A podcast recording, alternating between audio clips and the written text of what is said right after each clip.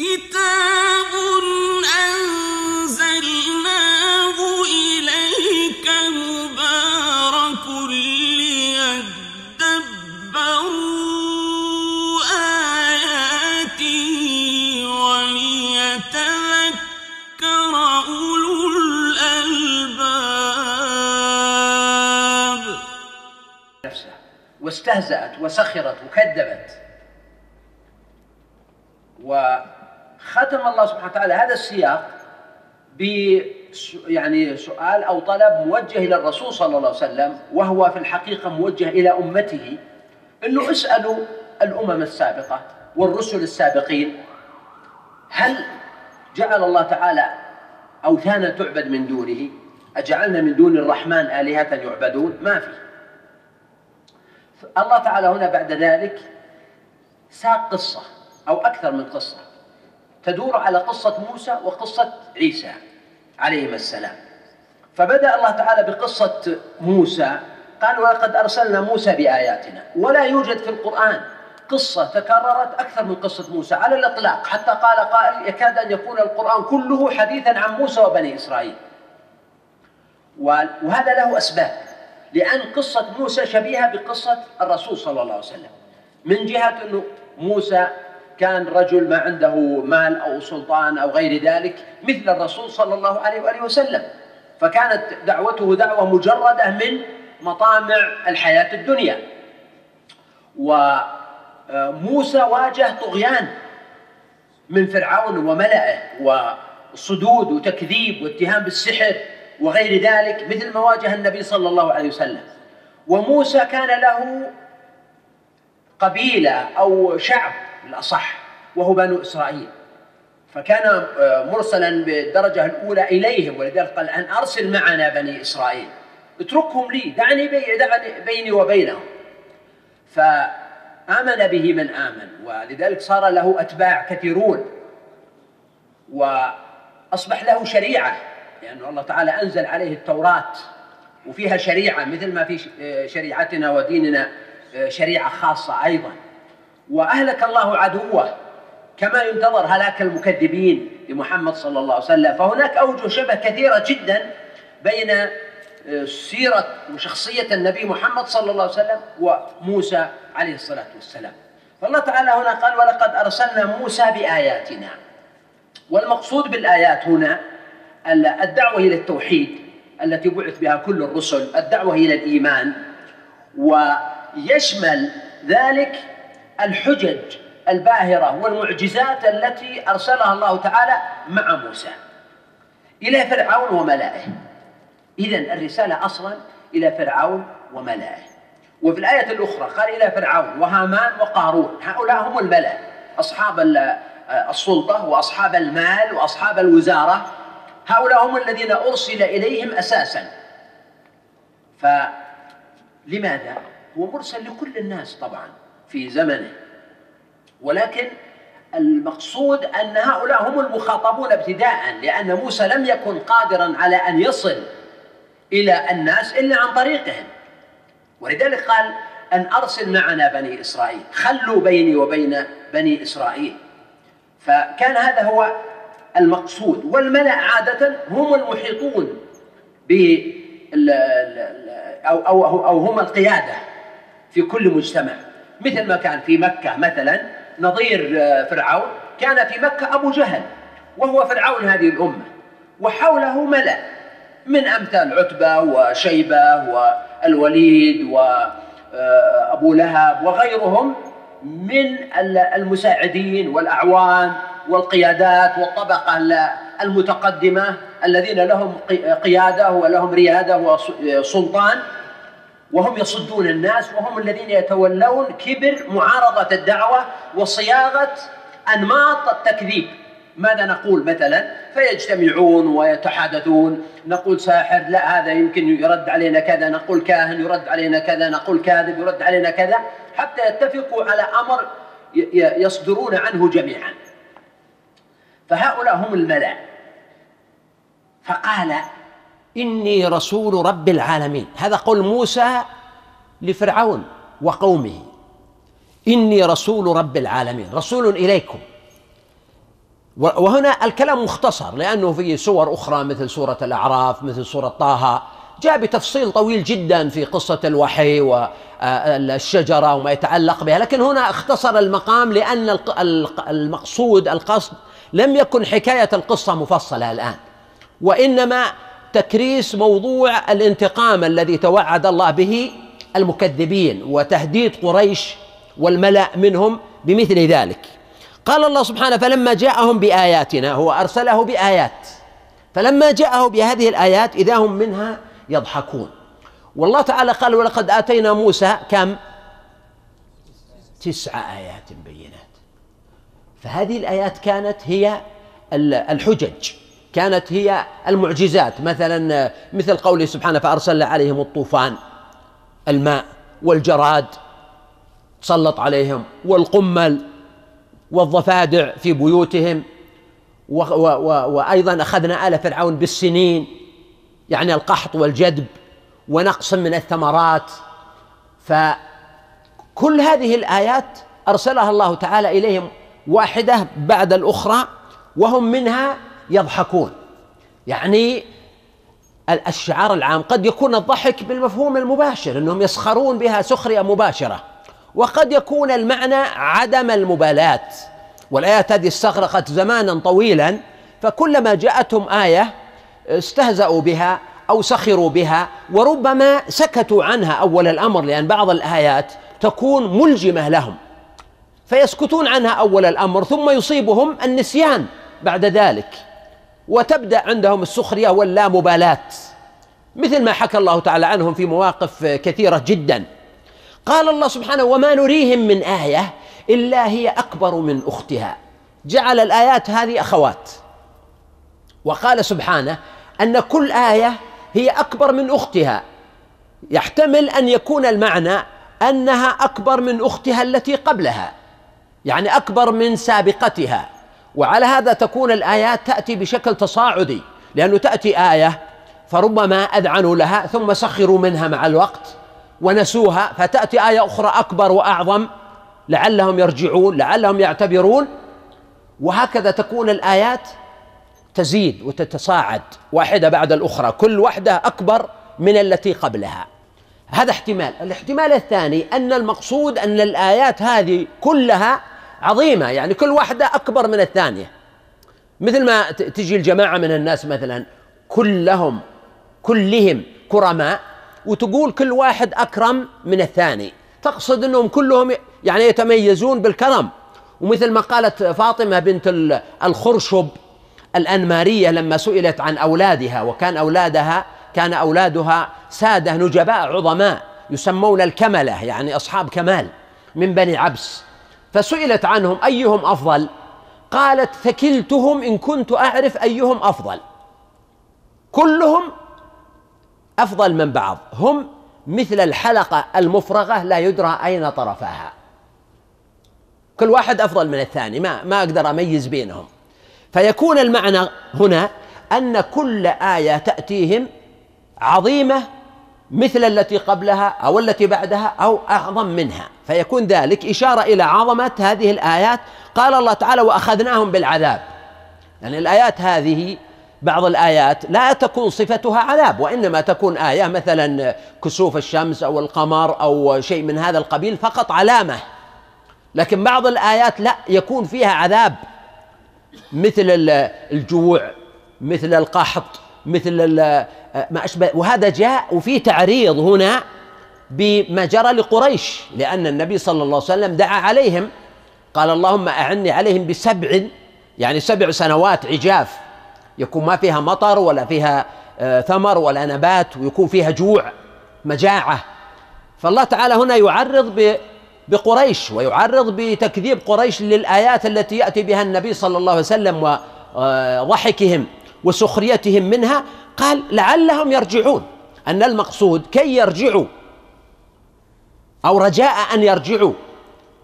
فالمقصود هنا حفزهم على التوبة وعلى الرجوع إلى الله سبحانه. قال وقالوا يا أيها الساحر ادع لنا ربك.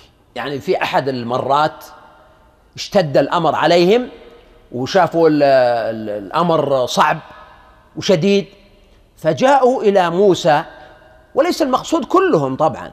السياق القرآني هكذا لكن المقصود علية القوم جاءوا إليهم. ليس عوام الناس وإنما جاءه مندوب. مندوب من فرعون أو من الحاشية. وقال له يا أيها الساحر كيف الساحر؟ ادعو لنا ربك. هل هذا على سبيل السخرية؟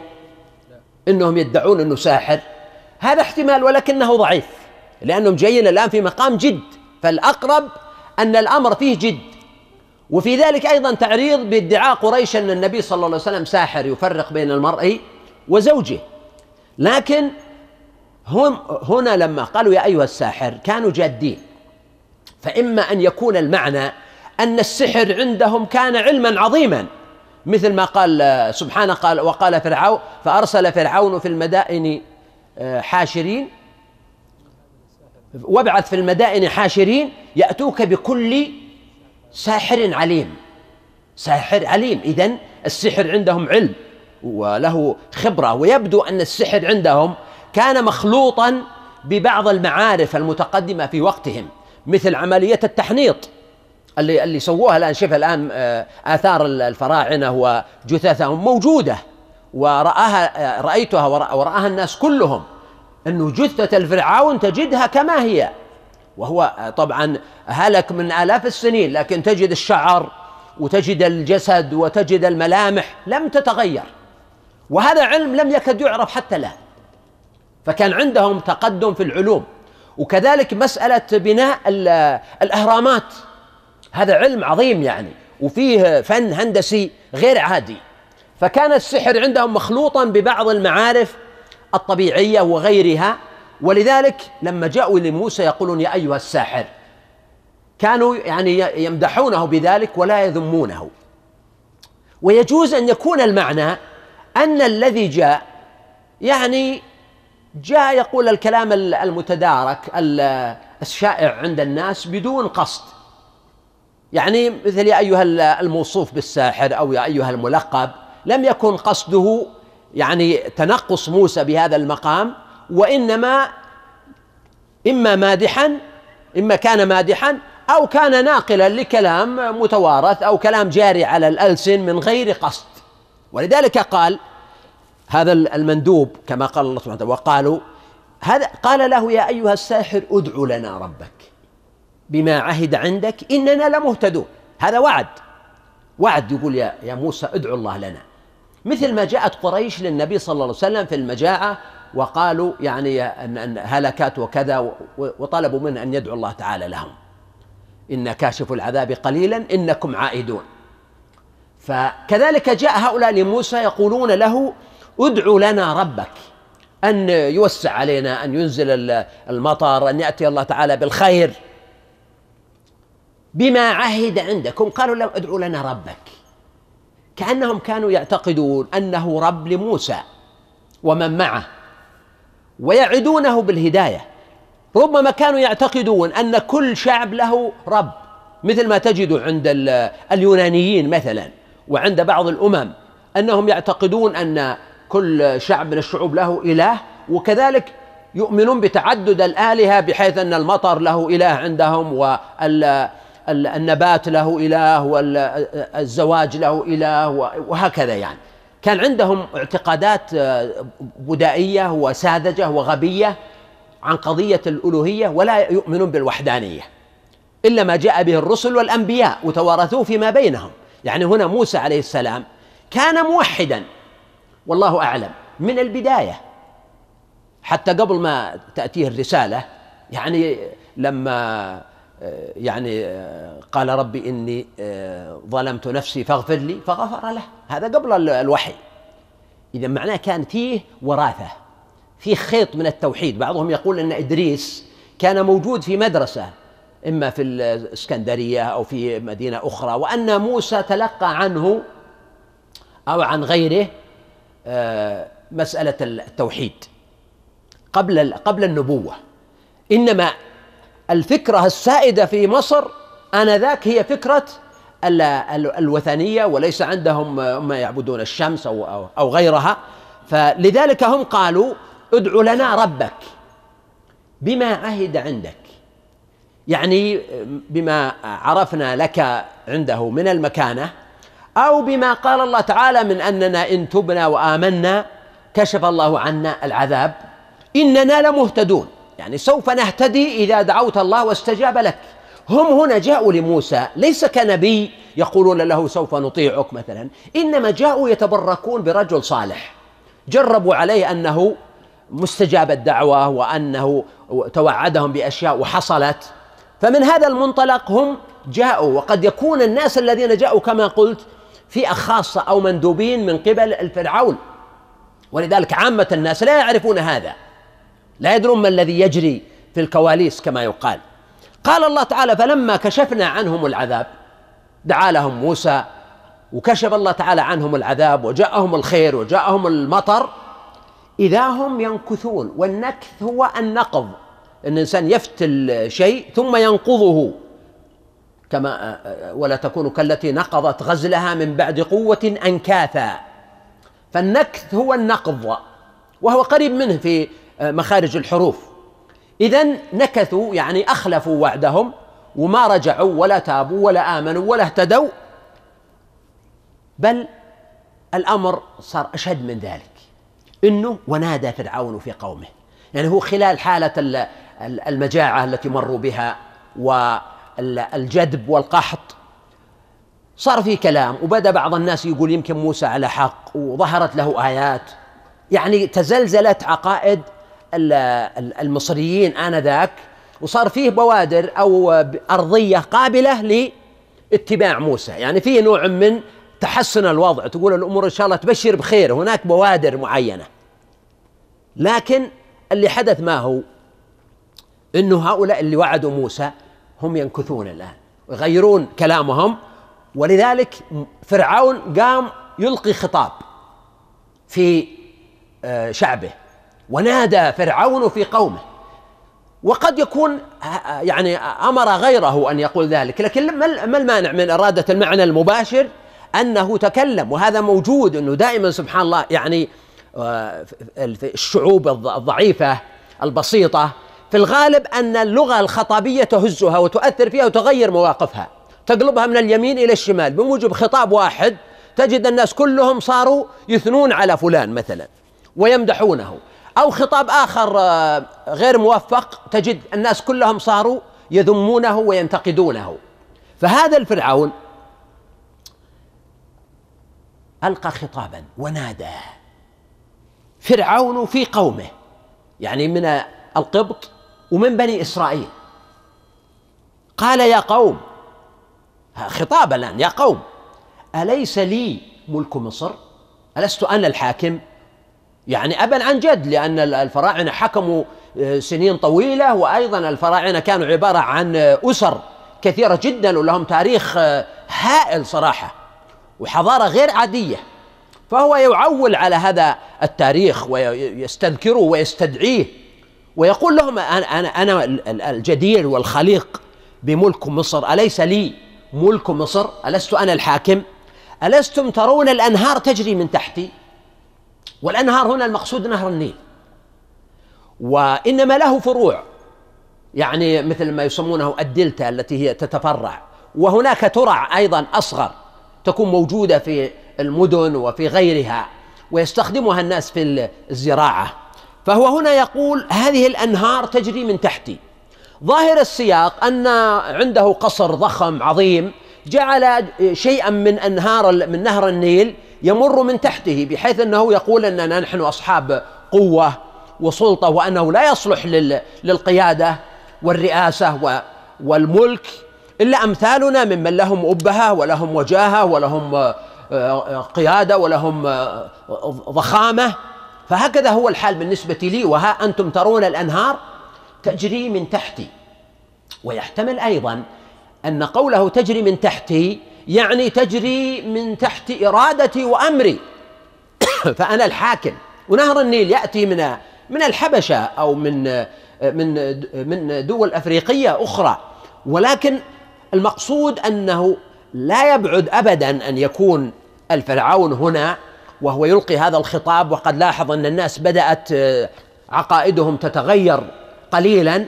لابد أن يكون الخطاب مزودا ببعض التهاويل وبعض المبالغات وبعض ال ال ال الكلام الذي فيه تضخيم حتى يؤثر على عقليات ونفسيات البسطاء. فيكون قوله هذه الأنهار تجري من تحتي يعني تجري بأمري لأنه يقول أنا ربكم الأعلى. فهي تجري بأمري أو أنها تجري بسلطتي وإرادتي. فلا مانع من إرادة هذا المعنى. وهذه الأنهار تجري من تحتي. أفلا تبصرون؟ هذا شيء مرئي. هو الآن يعطيهم بعض الأهمية. لأنه لما يخاطبهم ويسألهم أفلا تبصرون؟ أليس لي ملك مصر؟ هنا قد يشعر الناس بانه والله نحن الآن نسأل ونجيب. هذا يجعل الناس يفيئون ويعودون ويرجعون إليه ويستمعون لكلامه ويبدأون يجاوبون عليه. إنه يعني ما هو مثلا جاي يهددهم أو يتوعدهم وإنما في القصة فيها نوع من التهديد غير المباشر لما يقول الأنهار تجري من تحتي لأنه يقدر يقول أوقفها عنكم إذا لم تطيعوني. لكنه لم يقل هذا بشكل علني. وإنما قال أليس لي؟ أفلا تبصرون؟ ألا ترون هذا الأمر؟ ألا ترون أنه أنا الخليق والجدير بهذا الملك؟ قال أم أنا خير من هذا الذي هو مهين ولا يكاد يبين؟ يعني انتقل إلى المقارنة مع موسى فسماه هذا ما ذكر اسمه.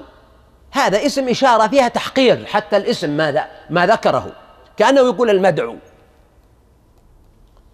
الذي هو مهين يعني ضعيف.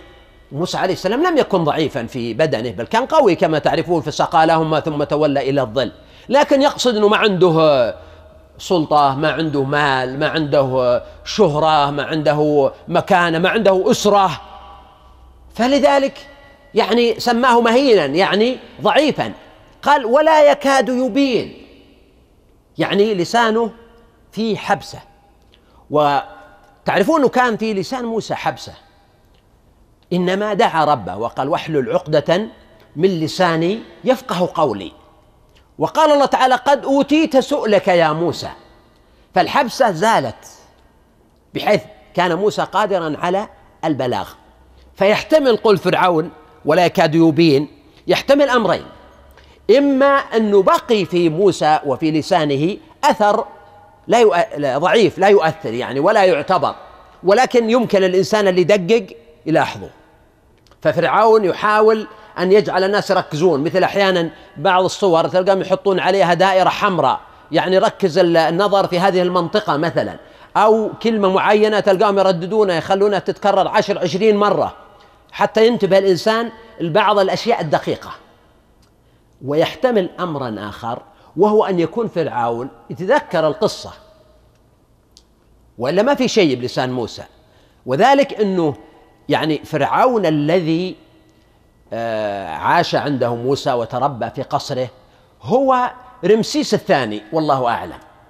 ومات هذا ال ال الأب اللي هو رمسيس الثاني وجاء ابنه هذا يسمونه منفتاح الثاني. ولد رمسيس ولدك يا رمسيس.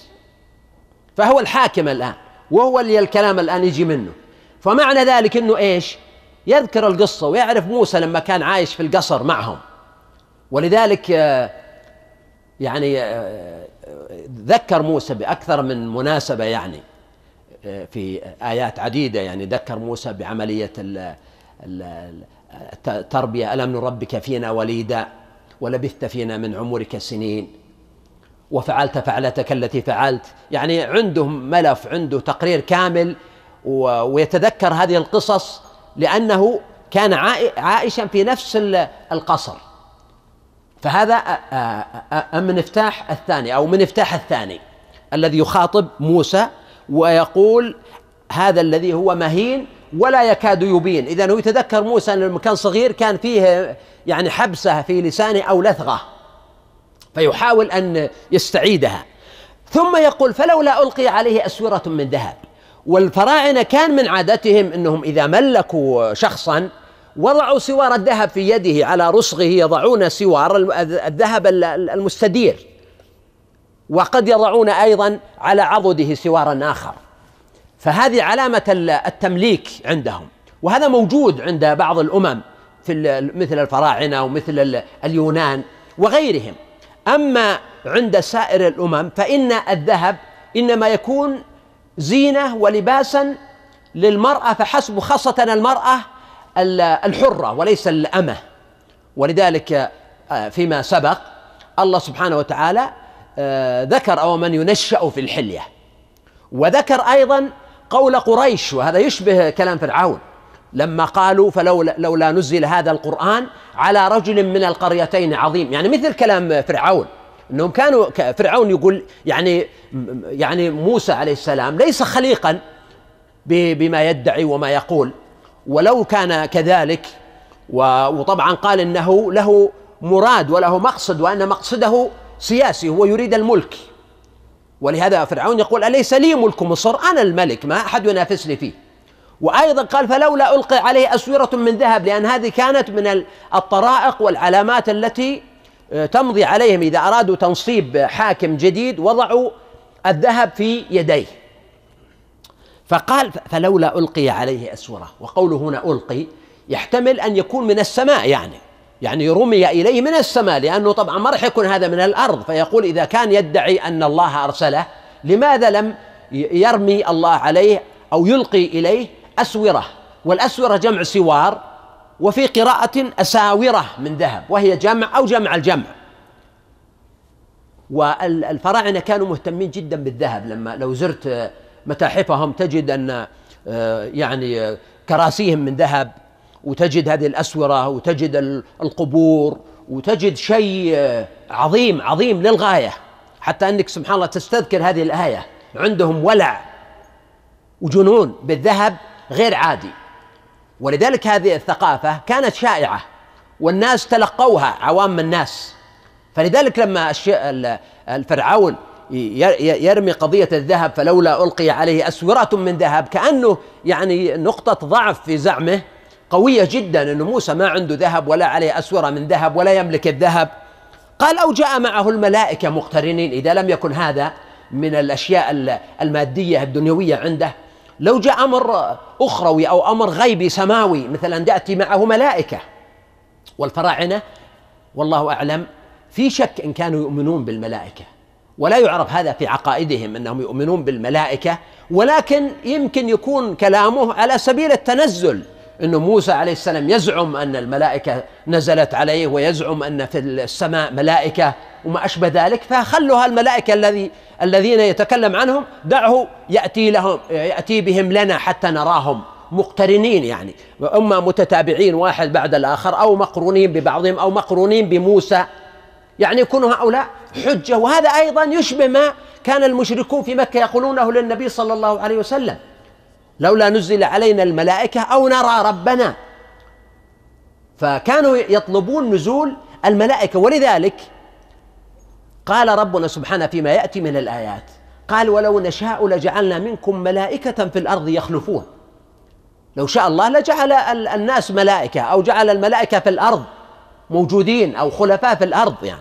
لكن الله تعالى شاء أن يكون هذا الإيمان إيمانا بالغيب وأن تكون الملائكة في السماء. قال فاستخف قومه. شوف استخف. يعني حملهم على الخفة. خفة العقول وخفة الأحلام وخفة الكلام وخفة المواقف. أنهم لا يثبتون على شيء. ويمكن إنه البوصلة تتجه ذات اليمين أو ذات الشمال بمجرد خطاب. ألقاه الفرعون ونادى في قومه يا قوم أليس لي ملك مصر وهذه الأنهار تجري من تحتي؟ فالخطاب هذا هزهم وغيرهم واستخفهم استخف عقولهم يعني أصبحت خفيفة ليست عقولا ثقيلة. وهكذا يعني العادة أن يعني الأمر في الغالب يدور حول الملأ كما ذكره الله سبحانه. يعني الآن مثلا في الغرب قد تكون الشعوب شعوبا بسيطة وسهلة وعندها قدر من المنطق وقدر من العدل أنها تعرف أنه والله مثلا الظلم الذي يقع في فلسطين مثلا أنه بغي وعدوان. و ولكن هنا الملأ ولما نقول الملأ نقصد السياسيين نقصد مثلا الفنانين والممثلين في هوليوود نقصد الإعلاميين نقصد الأثرياء. الناس الذين لهم سلطة ولهم تأثير بحيث أنهم يوجهون الرأي العام وجهة معينة. فهنا الله سبحانه قال فاستخف قومه. ما ما ما له شيء يعني ما احتاجوا جهد كبير الأمر خفيف. فأطاعوه وكفروا بموسى وألغوا فكرة أنهم يهتدون كما وعدوا. إننا لمهتدون. الله تعالى قال إنهم كانوا قوما فاسقين. هذا تعليل. أطاعوه لأنهم كانوا قوما فاسقين. ولذلك دائما في القرآن الله سبحانه وتعالى يشير إلى مجموعتين. المجموعة الأولى الملأ كما سماهم ومثل ما أشرنا. الذين هم يتولون تغيير عقول الناس وصرفهم عن الإيمان والهدى. هذه هذا هم الذي عليهم المسؤولية الأكبر والأعظم وهم الذين لهم ضعف من النار وهم الذين يدخلون النار قبل غيرهم. المجموعة الثانية هم الأتباع والدهماء والبسطاء الذين يستخفون لأنهم فاسقين. ما عندهم استقلال في مواقفهم ولا عندهم إيمان بالله سبحانه فيسهل صرفهم. وسيأتي آه، في السياق نفسه مثل هذا المعنى. قال الله سبحانه فلما آسفونا. آسفونا وهذا لم لا أعتقد إنه ورد في القرآن إلا في هذا الموضع منسوبا إلى الله سبحانه وتعالى. آسفونا يعني أغضبونا أسخطونا بفعلهم وإصرارهم وتكذيبهم. فلما آسفونا طبعا كلمة الأسف تجي له معنى ثاني في اللغة العربية. وشو؟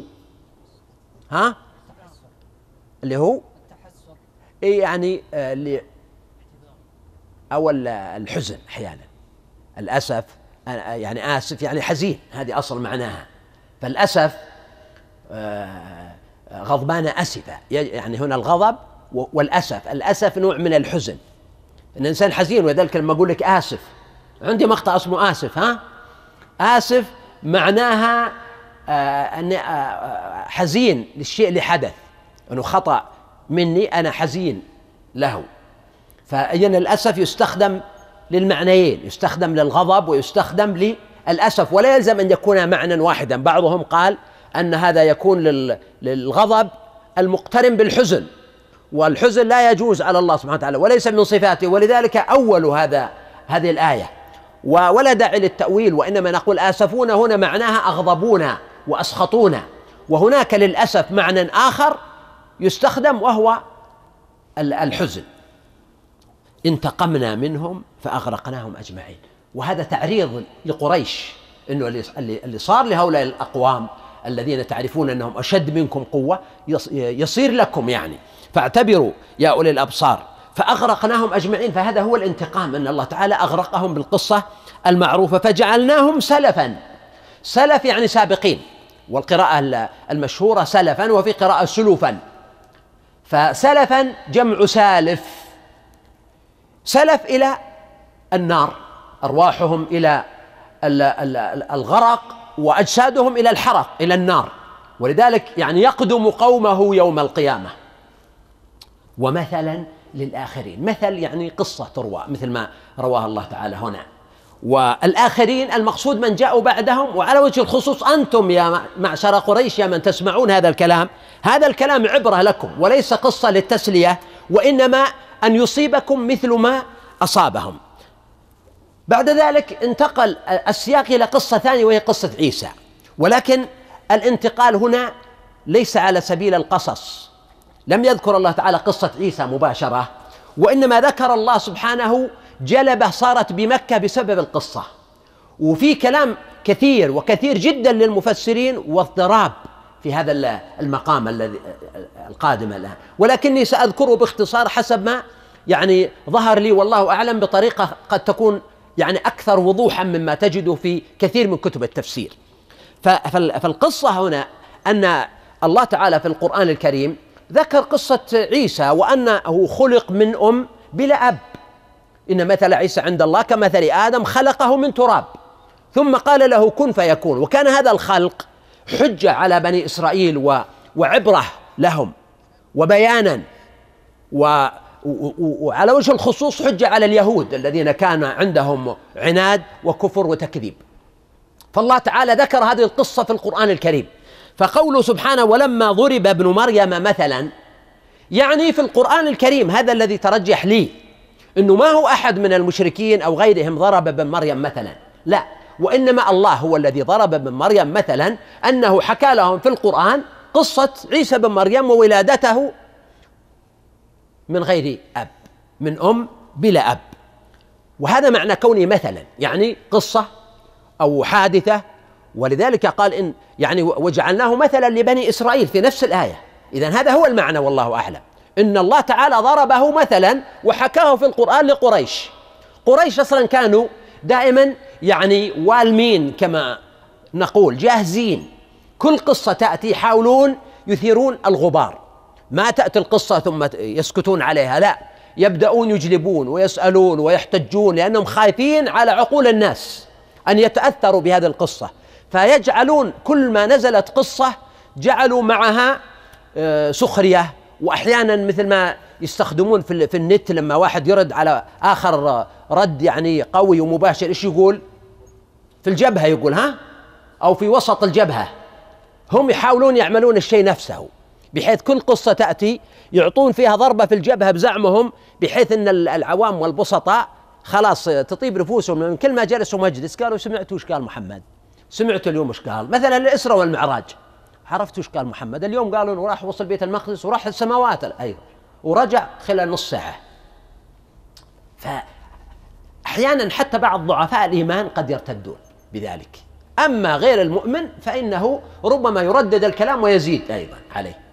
فهذا هذا المقصود والله أعلم. إذا فهمنا هذه المقدمة في قصة عيسى وكيف إنها لما نزلت في القرآن وضربه الله تعالى مثلا مثلا في في النبوة مثل في القدرة الإلهية مثل في الوحدانية لأن عيسى دعاهم إلى الله اعبدوا الله ما لكم من إله غيره.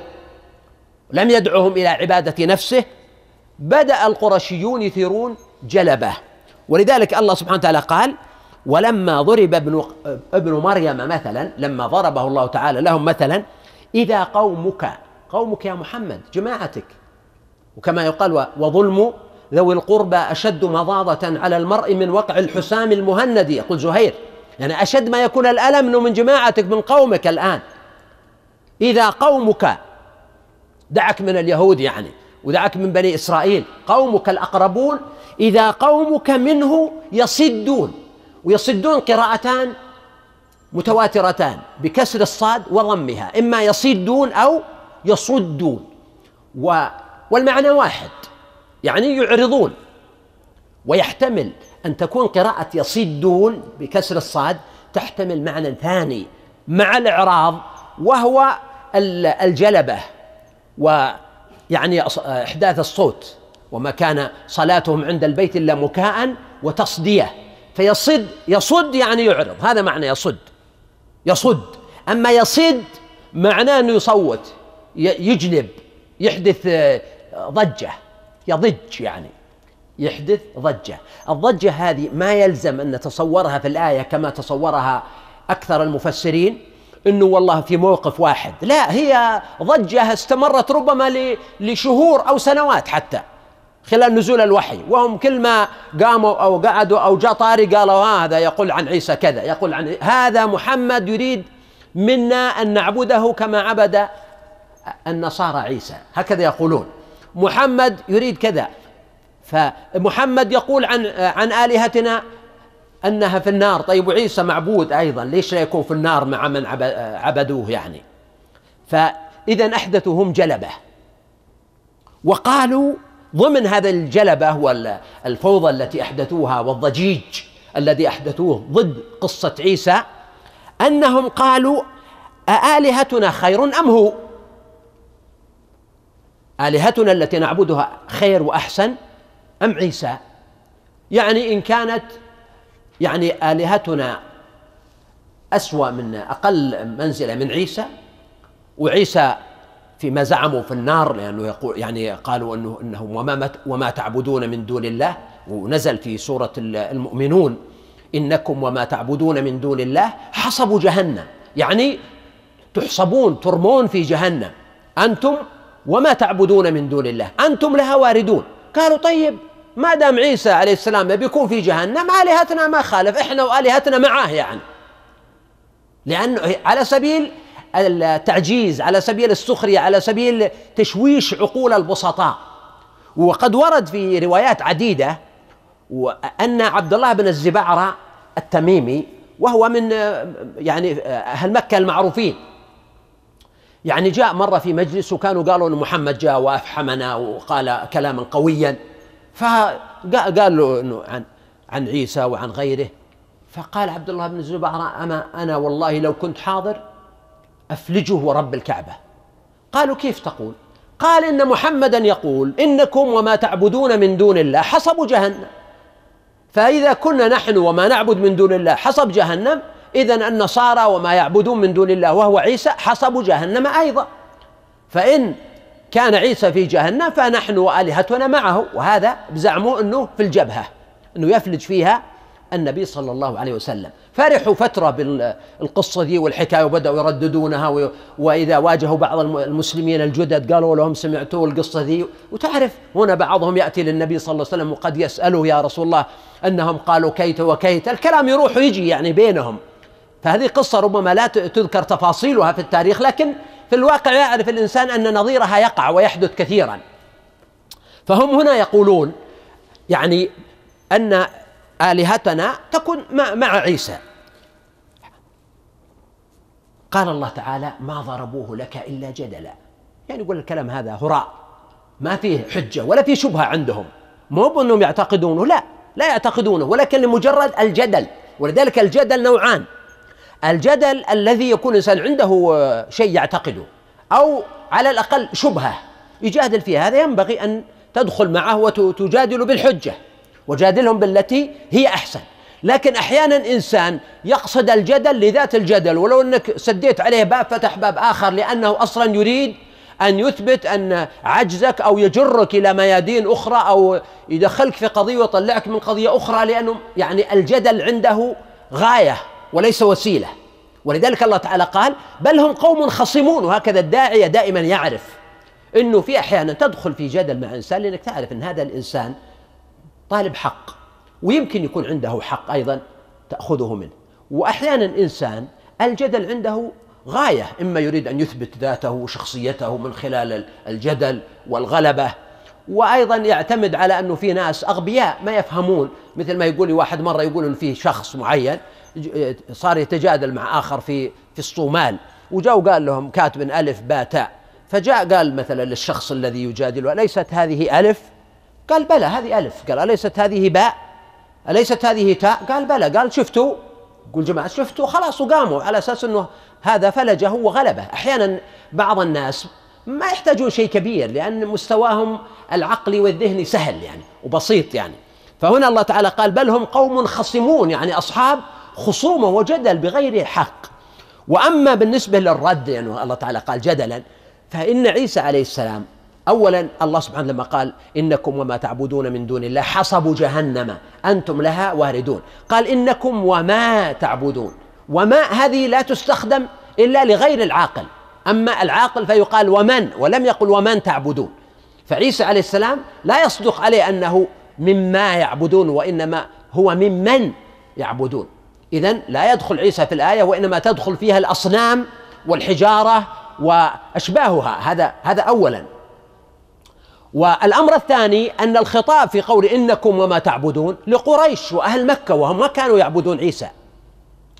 ولا كانوا يعبدون الملائكة على التحقيق يعني وإنما يعبدون الأصنام المنصوبة عندهم. المعنى الثالث أن كل عاقل يفهم أن حصب جهنم هم الناس الذين عبدوا أو رضوا بالعبادة. ولذلك نقول كل من عبد من دون الله وهو راضي فهو في جهنم لأنه رضي بالشرك. لكن لو أن رجلا صالحا عبد من دون الله وهو لا يريد ذلك ولا يرضى به إيش ذنبه في هذا؟ الأنبياء كما ترى منهم من عبد من دون الله فليس لهم ذنب. والله تعالى لا يظلم أحدا.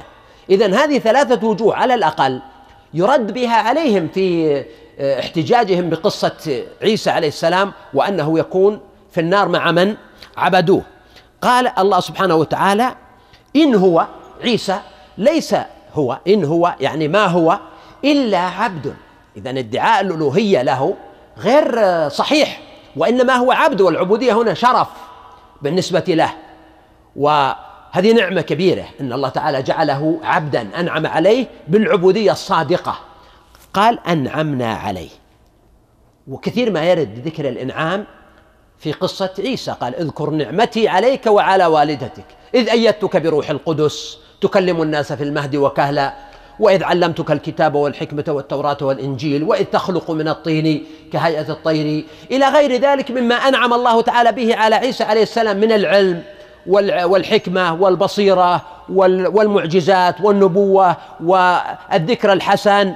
وغير ذلك مما أنعم الله تعالى به عليه بحيث أن عيسى عليه السلام من أشهر وأذكر وأعظم الرسل والأنبياء عليهم الصلاة والسلام. وهو من من أولي العزم منهم الخمسة المفضلين السابقين.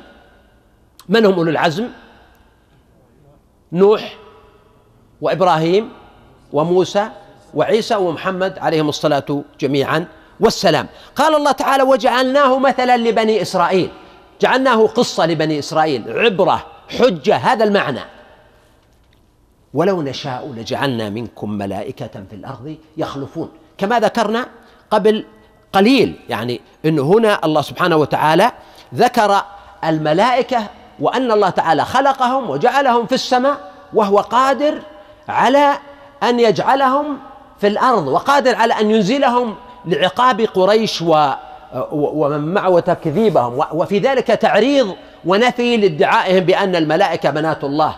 وفي ذلك أيضا إشارة إلى قصة عيسى فإن عيسى آه، جاء الملك إلى أمه ونفخ في جيب درعها. فالملائكة هنا لهم دخل بهذه المهمة ولا يبعد أن قريش كانوا كان عندهم غبش في موضوع عيسى عليه السلام وفي موضوع الملائكة ونزول الملائكة. فجاء هذا السياق يؤكد على هذا المعنى وأن الله تعالى عنده ملائكة في السماء وهم مخلوقون من نور وليسوا كما كانوا يعتقدون أنهم بنات الله وأن الله تعالى قادر على أن يجعل منكم يعني بدلا منكم كما قال أرضيتم بالحياة الدنيا من الآخرة. يعني أن يذهبكم الله تعالى بالعقاب والعذاب إذا أصررتم على كفركم وأن يجعل منكم ملائكة في الأرض بدلا منكم. أو يكون المعنى أن الله يحول خلقتكم إلى أن تكونوا ملائكة في الأرض تخلفون. الله تعالى قادر على ذلك لو شاء. سبحانه. قال سبحانه وإنه لعلم للساعة. منه عيسى. هذا القول المشهور عن السلف وابن عباس وغيرهم ومجاهد وقتادة أن الضمير يرجع إلى عيسى فهو علم للساعة. وفي قراءة وإنه لعلم للساعة. علم يعني أنه معرفة للساعة وجاء بخبر الساعة وتوكيدها وأيضا أيضا هو علامة من علامات قربها. وقال بعضهم إن الضمير في إنه للقرآن الكريم. إن القرآن علم مبين للساعة ونزوله أيضا علامة من علاماتها ولا مانع من إرادة المعنيين. معا وإن كان الأقرب عندي أن المقصود والضمير يرجع إلى عيسى عليه السلام لأن السياق كله سياق وقد نقل آثار في هذا صحيحة وقوية عن ابن عباس رضي الله عنه وجماعة من الصحابة وعن مجاهد بن جبر وهو تلميذه وقتاده وغيرهم. فقال الله تعالى إن عيسى علم للساعة. من أكثر من وجه هو علامة على الساعة وهو مؤكد لقيام الساعة. وأيضا خلق عيسى يشير إلى خلق الناس لأنه خلق من أم بلا أب. فهذا يؤشر إلى خلق الناس يوم القيامة. وأيضا الله تعالى جعله يحيي الموتى بإذن الله إشارة إلى حياة الناس يوم القيامة وأنهم يبعثون بعد أن ماتوا. فكل ذلك يؤكد أن عيسى علم وعلم للساعة. ومن معاني هذا أن نزول عيسى عليه السلام في آخر الزمان وقد جاءت في أحاديث كثيرة جدا وصحيحة تؤكد نزول عيسى وأنه ينزل على المنارة البيضاء شرقية دمشق ويكون له معارك مع الدجال ومع الصهاينة اليهود. أتباع الدجال حتى يقتل الدجال بباب لد وفي ذلك تفاصيل وروايات وأخبار صحيحة. إذن عيسى علم للساعة. نزوله في آخر الزمان حاكما بشريعة سيدنا محمد صلى الله عليه وآله وسلم. هو علامة من العلامات الكبرى على قرب قيام الساعة. والأمر أقرب ما يكون. فذو الحجى متأخر ويسود غير مسود. فلا تمترن بها. لا تقع في مرية يعني شك من الساعة فهي حق. والأدلة عليها كثيرة. واتبعوني الله تعالى يقول واتبعوني يعني اتبعوا وحي وقرآني ورسلي. هذا صراط مستقيم غير معوج ليس في عوج غير ذي عوج. فالله تعالى يأمر الناس باتباعه واتباع رسوله صلى الله عليه وسلم وصراطه المستقيم. قال ولا يصدنكم الشيطان إنه لكم عدو مبين. نهى أن ينصت الناس أو يستمعوا إلى الشيطان فيما يلقي إليهم من العقائد والأفكار المنحرفة أو فيما يوحي إليهم من الأفعال الفاسدة والضالة.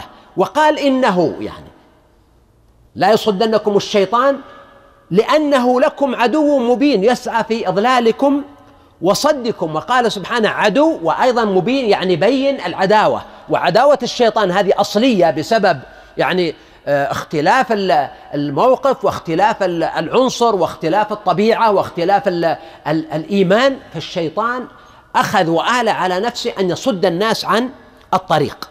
قال الله سبحانه وبحمده ولما جاء عيسى بالبينات قال قد جئتكم بالحكمة جاء لبني إسرائيل بعثت كما يقول خراف بني إسرائيل الضالة.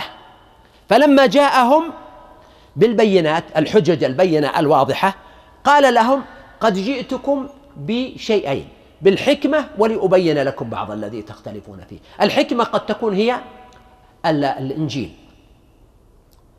والحكمة هي النبوة. والحكمة هي الكلام المحكم. وعيسى عليه السلام جاء بالأخلاق الكريمة الفاضلة والتسامح والصبر والآداب فهذا باب عظيم جاء به عيسى عليه السلام وهو من معاني الحكمة. والأمر الثاني ولأبين لكم بعض الذي تختلفون فيه. إذا جئتكم ببعض الشرائع. ولذلك عيسى ليس له شريعة كاملة مثل شريعة من؟ موسى. فيسمون شريعة موسى العهد القديم. أو ما نزل على موسى يسمونه العهد القديم. وما نزل على عيسى يسمونه إيش؟ العهد الجديد. العهد الجديد ليس فيه نسخ وتغيير كامل لشريعة موسى وإنما أمضاها وغير فيها بعض الأشياء. ولذلك قال ولأبين لكم بعض ليس كل الذي تختلفون فيه. طيب إذا هنا بعض الذي يختلفون من الأمور الفرعية من أمور الدنيا والأشياء الفرعية التي آه، ترك بعضها بين بعضها وترك بعضها. طيب ترك بعضها لإيش؟ إما ترك بعضها لما يستقبل من الزمان أنه قد يجد عليه وحي. و أو وهذا الصحيح أنه ترك بعضها لنبي آخر يأتي وهو محمد صلى الله عليه وسلم الذي يقوم ب يعني تغيير شريعة آه، موسى والأنبياء من قبل تغييرا جوهريا وأساسيا. وأيضا ترك بعضها قد يكون للاجتهاد فيما بينهم لأن أمور فرعية تقبل الاجتهاد وهذا فيه تأكيد على ما أقرره دائما على الاهتمام بالأصول أكثر من الفروع. لأن عيسى لما جاء فيما يتعلق بالأصول قال جئتكم بالحكمة الحكمة يعني مجملة هكذا لم يقل ببعض الحكمة. لكن لما جاء بما يتعلق بالفروع والتغييرات في الشرائع قال ولأبين لكم بعض الذي تختلفون فيه. فاتقوا الله وأطيعون. فأمرهم بتقوى الله فيما يتعلق بالحكمة. فأمرهم بتقوى الله فيما يتعلق بالحكمة لأن الحكمة تقوى إيمان وخوف من الله وطاعة له. وأطيعون في بعض الذي جئتكم به مما تختلفون فيه والعادة أنهم قد يكذبونه فعلا.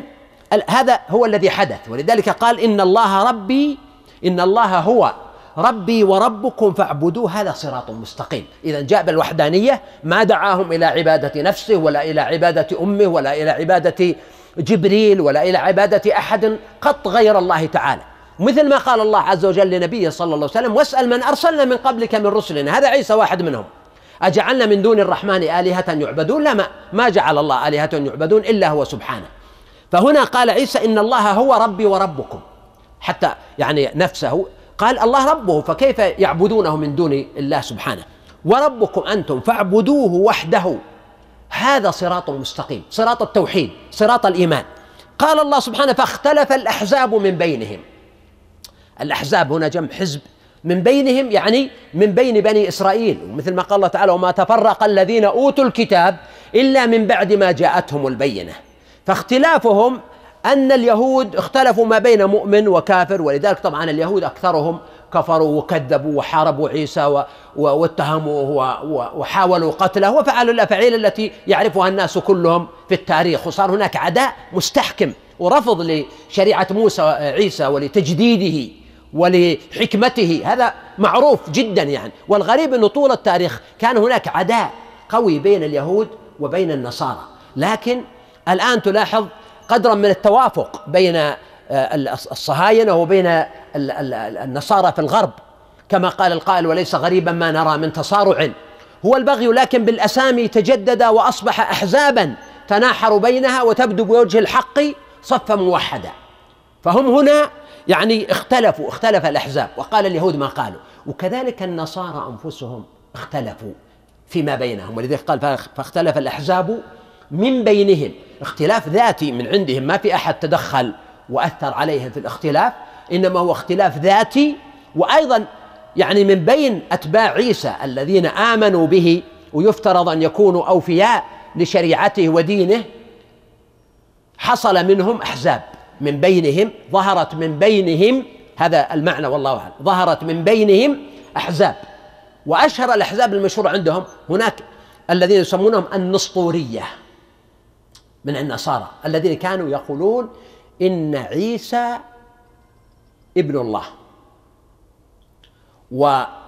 واليعقوبية الذين كانوا يقولون عيسى هو الله أو يزعمون أن الله حل في عيسى. وهناك ما يسمونهم بالملكانية وهم الكاثوليك الذين يقولون بالأقانيم الثلاثة الله أو الأب يعني تعالى الله والابن وروح القدس. فيعتقدون بالتثليث وهو الموجود الآن الآن عند يعني كثير من النصارى. فهذا آه، يعني مذهب الملكانية أو الكاثوليك. فهذه من الأحزاب وداخل هذه الأحزاب حدث ولا حرج. من الفلاسفة ورجال الدين والأباطرة وغيرهم وتدخلت السياسة أيضا في آه، ذلك بتغيير العقيدة. قال الله سبحانه وتعالى فويل للذين ظلموا من هؤلاء فويل لهم من عذاب يوم أليم. فاختلف الأحزاب من بينهم فويل للذين ظلموا من عذاب يوم أليم. والأقرب عندي أن هذا الوعيد هو للآخرة وليس للدنيا. وعيد لهم في الآخرة ولذلك أعقبه بالكلام عن الساعة. قال الله سبحانه هل ينظرون إلا الساعة أن تأتيهم بغتة وهم لا يشعرون. عيسى علم للساعة وعلم للساعة وبعثة النبي صلى الله عليه وسلم علم للساعة ونزول القرآن علم للساعة ونزول عيسى آخر الزمان علامة على قرب الموعد وأنها قد أزفت الآزفة ووقعت الواقعة. فلذلك قال الله تعالى هل ينظرون يعني هل ينتظرون؟ فالنظر هنا الانتظار. هل ينتظرون؟ إلا الساعة. وسمى الساعة لقربها وسرعتها أنها ساعة. لم يلبثوا إلا ساعة من نهار. أن تأتيهم بغتة. فجأة. دون ترقب وهم لا يشعرون. هذا توكيد للبغتة.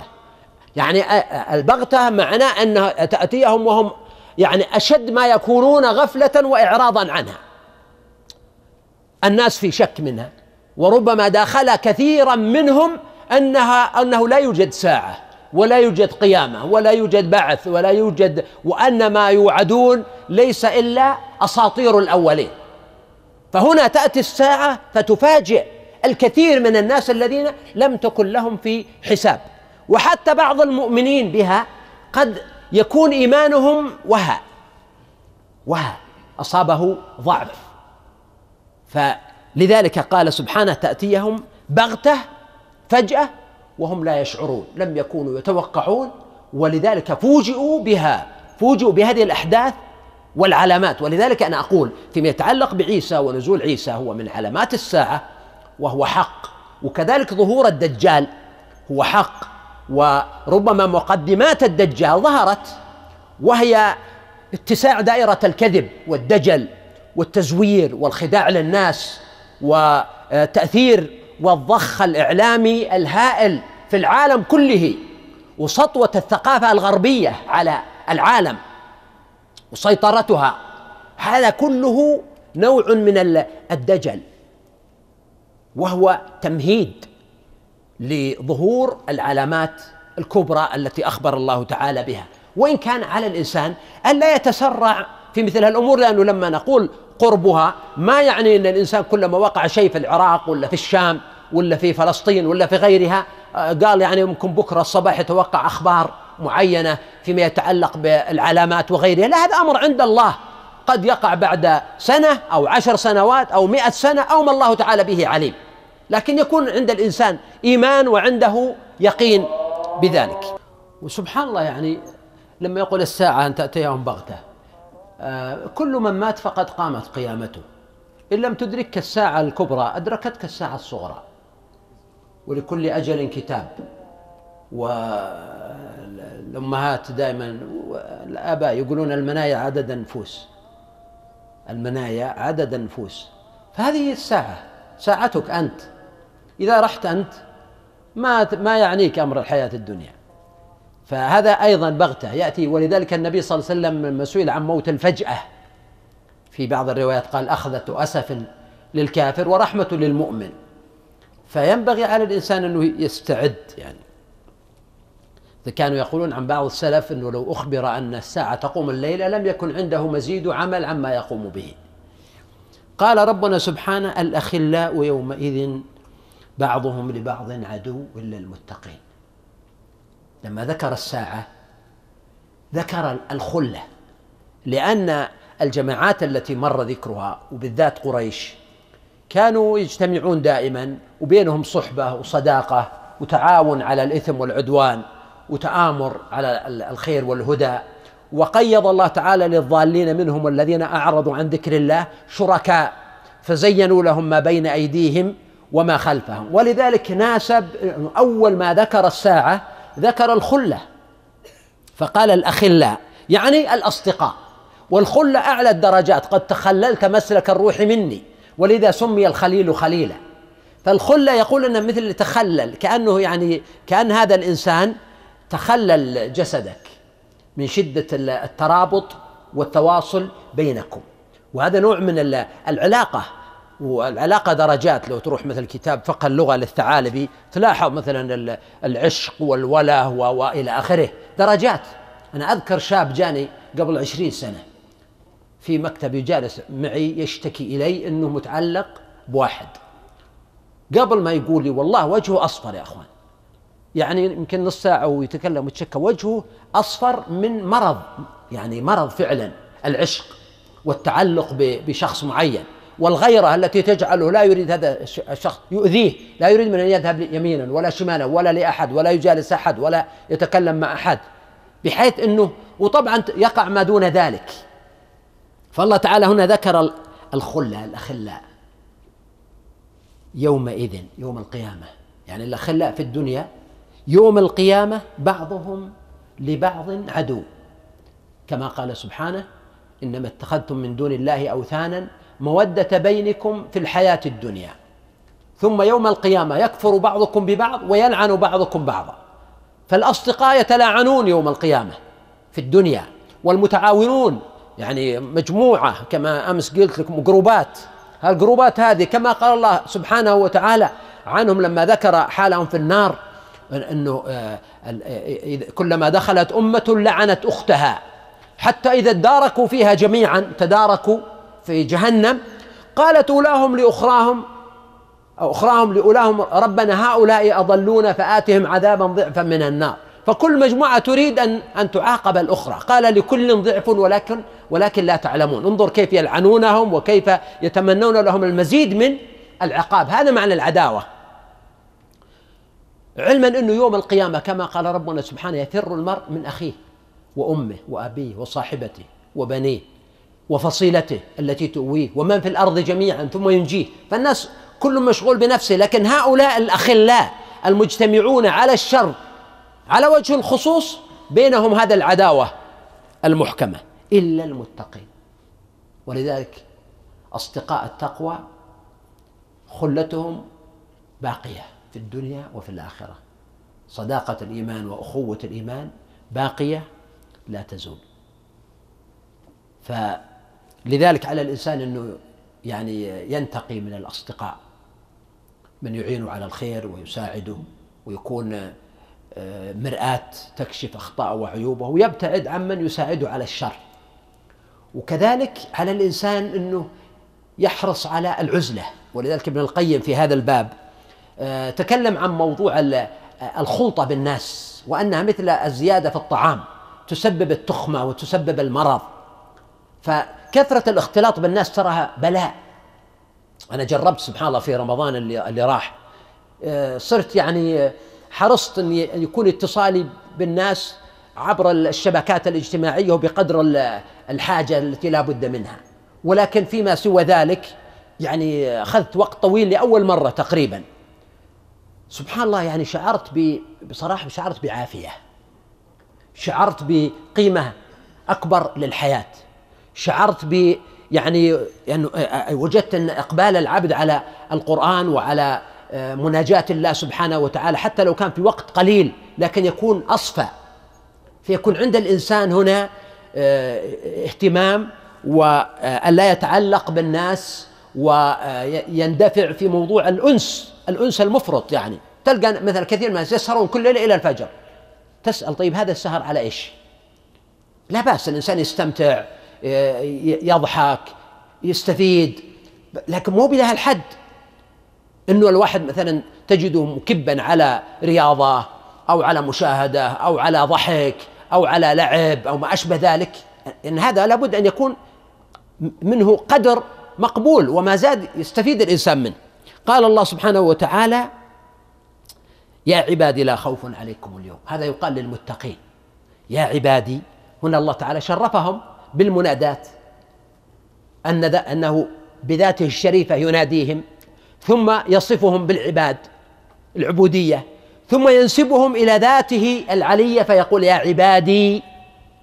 وبعض القراء يثبت الياء يا عبادي. وحتى لو لم تثبت نطقا فهي ثابتة تقديرا لا خوف عليكم اليوم ولا أنتم تحزنون. الإنسان في الدنيا يعني أكثر ما ينقص العيش. عند الإنسان أحد أمرين. إما الخوف يخاف من الموت يخاف من المرض يخاف من الرحيل يخاف من الخسارة يخاف من الفشل. الخوف أو الحزن. حزن على صديق حزن على قريب حزن من موقف. وبعض الناس أحيانا يكون عنده حزن وكآبة وقلق لا يعرف سببها ولكنها موجودة في داخله. فالله تعالى رفع الأمرين هؤلاء وأول ما بدأ به لأن الإنسان إذا كان في حالة خوف أو حزن لو تجيب له أفضل الطعام وأفضل الشراب والمتع ما له ما له نفس ولا لا؟ يقول لك ما لي نفس ما, ما للأشياء ذي قيمة. أفضل المناظر يمكن ناس رايحين مثلا في سفر ورحلة ومتعة شوف شوف هو ما عنده نفس. لماذا؟ لأنه من الداخل مشغول بشدة الخوف أو بشدة الحزن. ولذلك بدأ الله بنفي هذين الأمرين في الجنة. يا عبادي لا خوف عليكم اليوم ولا أنتم تحزنون. خلاص انتهى. إلى الأبد. الخوف والحزن. وهذه تعزية للخائفين والحزانة. وقد ذكر مقاتل أن أنه لما يقول الله سبحانه وتعالى هذا القول يا عبادي لا خوف عليكم اليوم ولا أنتم تحزنون. يرفع الناس كلهم رؤوسهم. ينظرون ينتظرون يتوقعون أن يكونوا هم المراد. فيقول الله سبحانه الذين آمنوا بآياتنا وكانوا مسلمين. هؤلاء هم المقصودون. إذا هم جمعوا بين الإيمان والإسلام وإذا اجتمع الإيمان والإسلام فالمقصود بالإيمان الأركان الستة الإيمان بالله وملائكته وكتبه ورسله والبعث والقدر والمقصود بالإسلام الأشياء العملية الشهادتان الصلاة الزكاة الصوم الحج. فهم جمعوا بين الأمرين الإيمان والإسلام الذين آمنوا بآياتنا وكانوا مسلمين ادخلوا الجنة. الحساب يسير ولذلك ما طول فيه. فسوف يحاسب حسابا يسيرا. قال ادخلوا الجنة الأمر بالنسبة لهم يسير وإن كان طويلا في يوم القيامة. قال الله تعالى فذلك يومئذ يوم عسير على الكافرين غير يسير. أما على المؤمنين فهو بقدر صلاة. أنتم وأزواجكم. الأزواج هنا يشمل الزوجات ويشمل القرناء والأصدقاء والأخلاء المتقين. يعني وإذا النفوس زوجت يعني يقرن الناس مع أمثالهم ومع نظائرهم وذلك عليك أن تعمل في الدنيا بعمل من ترجو أن تقرن بهم يوم القيامة. خذ القاعدة هذه وأنا سبق أني غردت فيها. أحيانا يقع خلاف بين مجموعتين من الناس. ويعلن هذا الخلاف على الملأ ويشهر. فسيسألني واحد مع من أكون؟ فقلت له كن مع من تحب أن تحشر معه يوم القيامة. الناس اللي ودك يوم القيامة إذا النفوس زوجت أنك تنحاز إليهم ضع نفسك معهم. والإنسان على نفسه بصيرة ولو ألقى معاذيره. هذا قد يقطع كثيرا من النزاع. فالله سبحانه وتعالى قال ادخلوا الجنة أنتم وأزواجكم. يعني جمعهم الله تعالى وقال تحبرون. هذا اللفظ تحبرون لفظ بديع جميل يعني غاية السرور. إنسان محبور يعني مسرور. وفي سورة الروم الله سبحانه وتعالى قال فهم في روضة يحبرون. يعني هم في الجنة في غاية السرور والحبور الذي يظهر على وجوههم وملامحهم. يطاف عليهم بصحاف. يطوف عليهم الولدان المخلدون بصحاف جمع صحفة وهي القصعة أو الإناء الوعاء للطعام. من ذهب الصحاف من ذهب. أما ما في داخل هذه الصحفة إذا كانت الصحفة نفسها الإناء من ذهب لك أن تتصور ما الذي فيه من الطعام. وأكواب الأكواب قد تكون من, ذهب وقد تكون من فضة. ولكن الكوب هو الإناء للشراب المدور الذي لا يكون له آه، يعني آه، ليس له ثعبة وإنما هو مدور بحيث أن الإنسان يمكن أن يشرب منه من أي مكان يضع يده على الكوب أو الكوز الكوب والكوز بمعنى فيشرب من أي جهة شاء.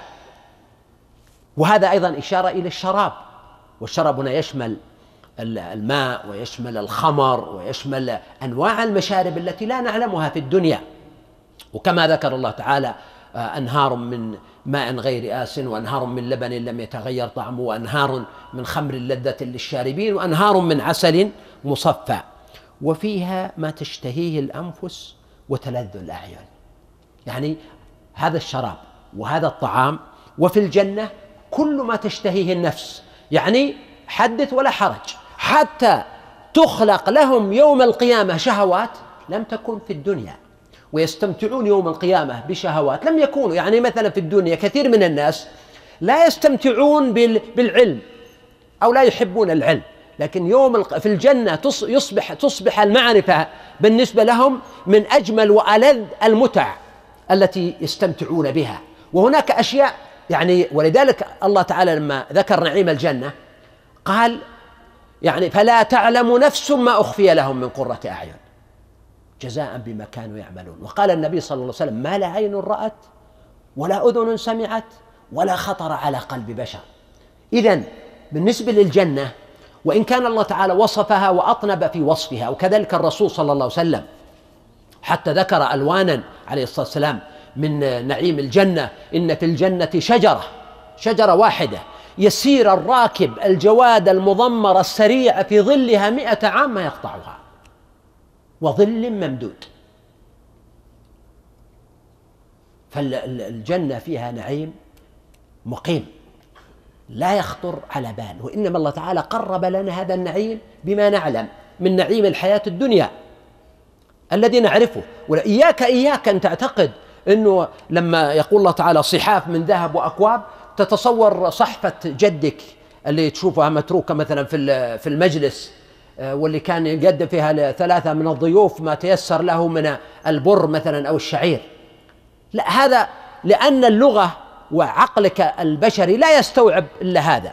ولذلك قال ابن عباس رضي الله عنه ليس في الجنة مما في الدنيا إلا إيش؟ الأسماء. بس الأسماء وأتوا به متشابها حتى المثل الفواكه المتع الخمر الماء المناظر. الجنة شيء مختلف. لا يمكن للإنسان أن يعرفه حق معرفته إلا إذا عاينه وشاهده ولامسه وأما الأمر ما دون ذلك فهو نوع من التقريب والوصف. وفيها ما تشتهيه الأنفس. كل ما اشتهت نفسك. وتلذ الأعين. كل ما لذت العين لأن النظر في الأشياء الجميلة هذا نوع من المتعة العظيمة في النظر وأنتم فيها خالدون.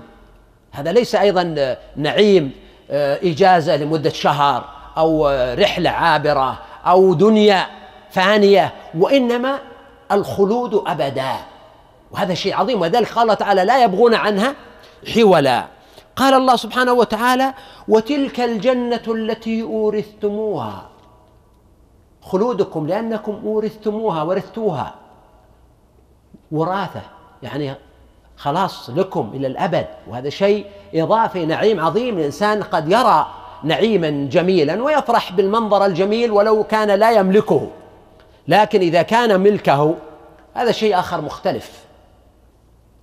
وأؤكد لك إنه في الدنيا لو الله تعالى أعطى الإنسان بستانا جميلا وقصرا جميلا ومياه وأشياء وسكن فيه ويسمع صوت العصافير ويجد الأشياء الجميلة التي يهواها ويحبها إن كان من هواة الخيل ولا الغزلان ولا تربية الحيوان أو ما سوى ذلك وخرير المياه وأصوات المعازف. أيضا المعازف في الجنة متاحة ما في شيء ممنوع.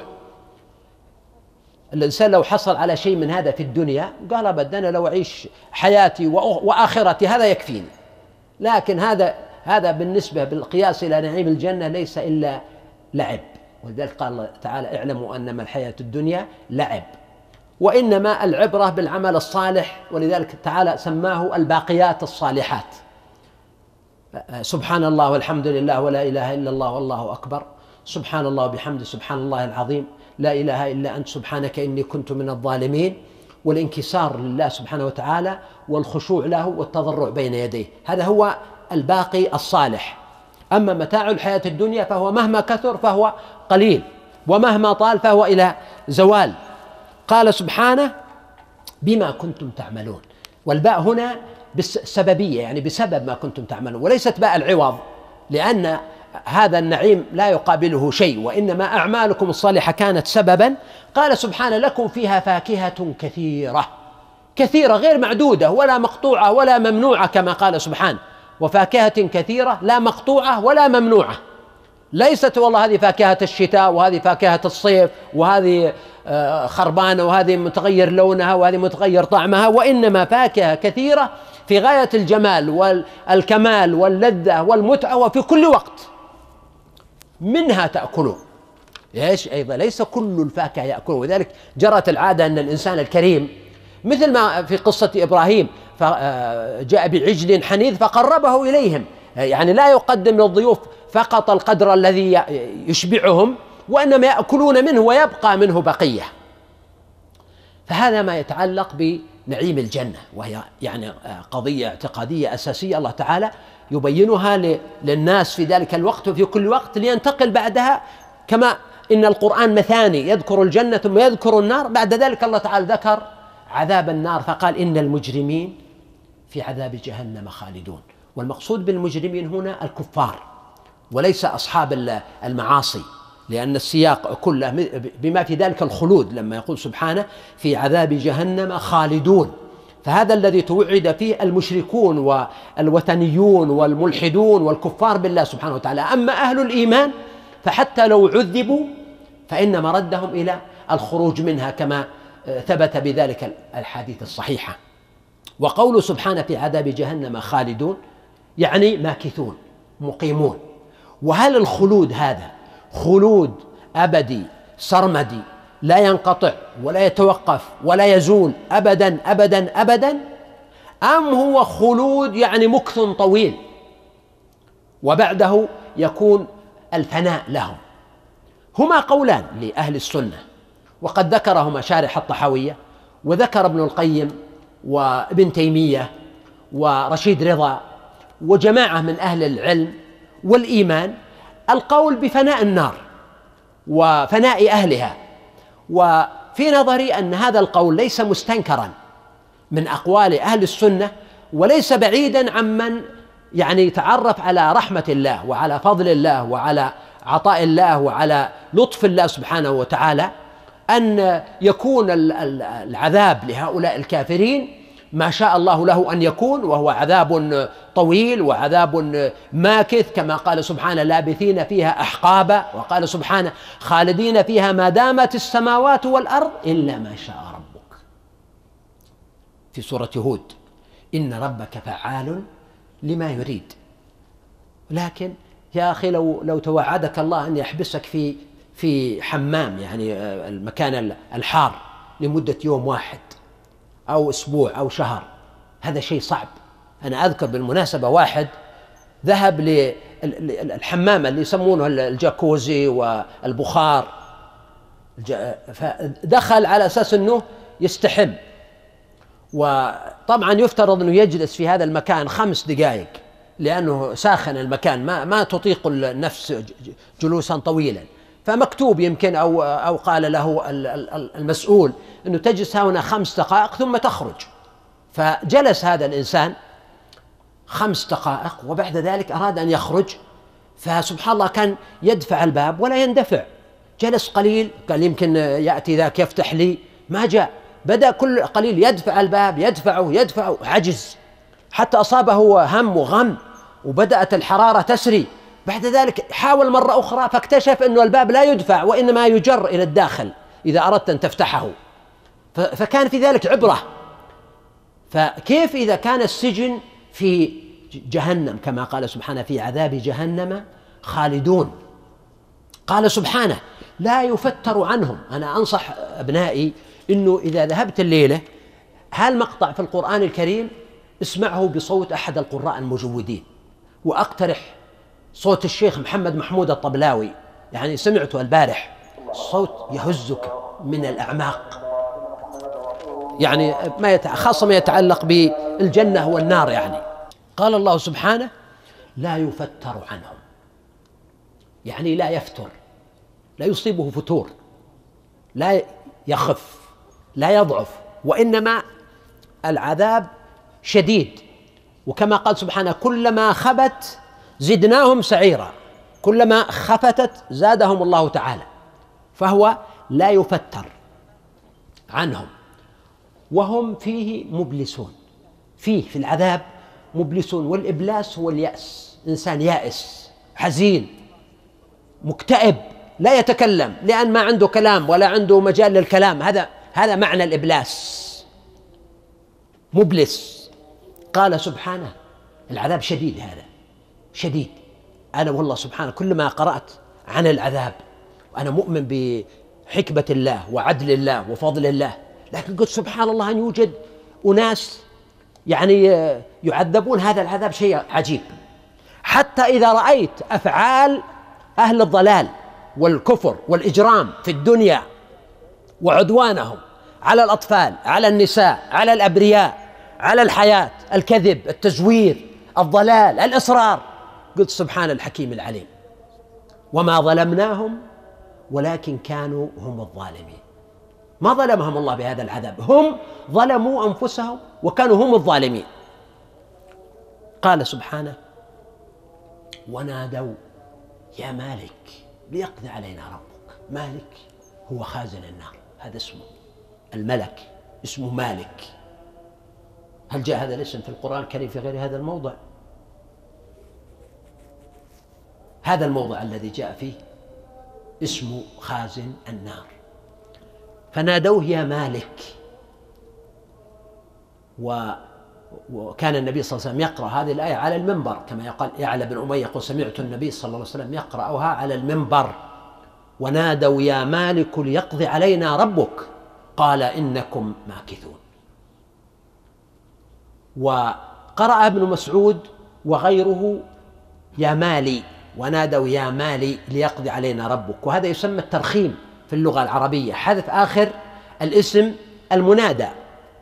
كما يقول آه، ابن مالك صاحب الألفية يقول ترخيما نحذف آخر المنادى كيا سعى في من دعا سعادا فهذا الترخيم وهم بشغل في شغل عن أن يرخموا ولكن إما هذا يكون من من تصرف القرآن وجمالية لفظه أو يكون بسبب يعني انشغالهم وضعفهم وعجزهم أنهم لا يستطيعون أن يتموا الكلام وهذه ليست قراءة من القراءات المتواترة وإنما القراءة المتواترة واحدة ونادوا يا مالك ليقضي علينا ربك. اشفع لنا عند ربك أن يميتنا. كفى بك داء أن ترى الموت شافيا.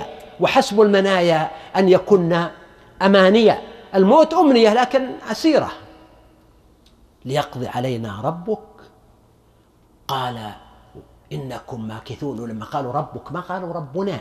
لأنهم شعروا بأنه انقطعت العرى بينهم وبين الله بسبب قطعهم الصلة مع الله في الدنيا. ما عبدوه ما وحدوه ما ناجوه ما استغفروه. ولذلك لما سألت عائشة رضي الله عنها النبي صلى الله عليه وسلم عن عبد الله بن جدعان فقالت إنه رجل كان يكرم الضيف ويساعد المحتاج في الدنيا ويتصدق في الجاهلية أفينفعه ذلك؟ قال النبي صلى الله عليه وسلم لا يا عائشة إنه لم يقل يوما من الدهر رب اغفر لي خطيئتي يوم الدين رب اغفر لي خطيئتي يوم الدين اذا أنت تقدم بدعائك لما تقول رب اغفر لي خطيئتي يوم الدين أو تستغفر الله أو تسبح الله تقدم لهذا الموقف العصيب يعني.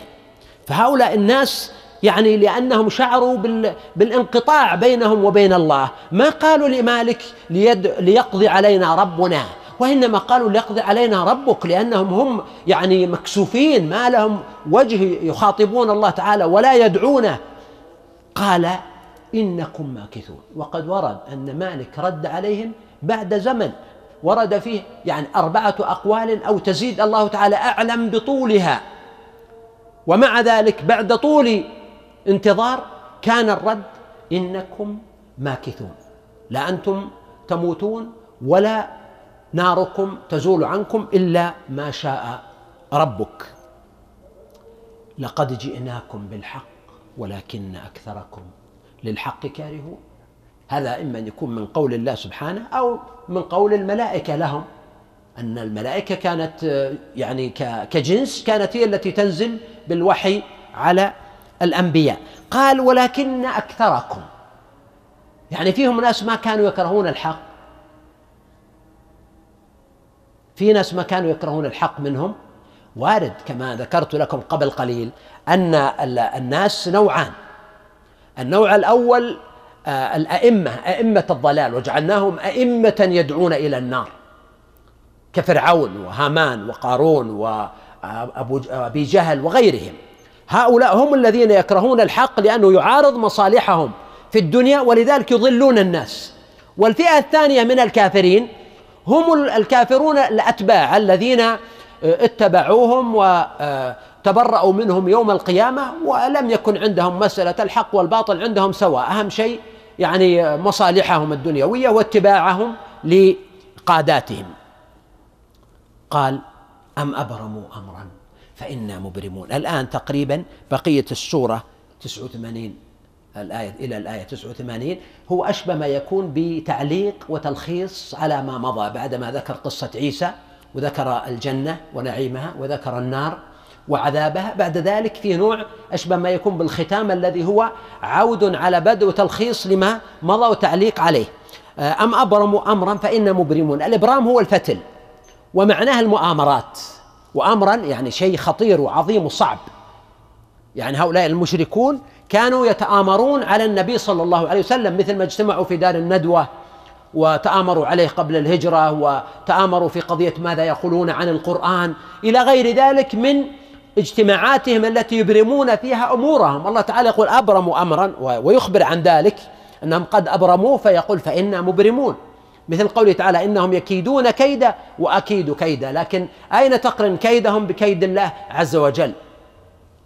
قال فإنا مبرمون، يعني مبرمون معركة بدر التي تهلك فيها ساداتهم والأكيد أن هذا الخطاب والكلام ذا عن الذين ماتوا على الكفر كما أسلفت من أمثال أبي جهل وعتبة وشيبة والوليد والنضر وغيرهم الذين قتلوا يوم بدر وسحبوا إلى القليب وأتبعوا لعنة.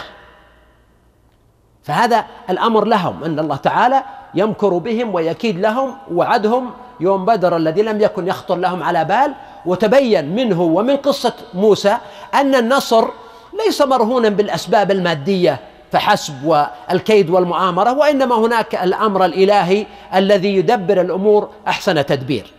أم يحسبون أنا لا نسمع سرهم ونجواهم؟ يعني حين الإبرام وحين المؤامرة كانوا يسرون السر هو الذي في داخلك وقد تخبر به صديقا من خاصتك. هذا سر. أما النجوى لما يجتمع مجموعة من الناس يهمسون يتهامسون في أمر من الأمور ويتناجون فيما بينهم.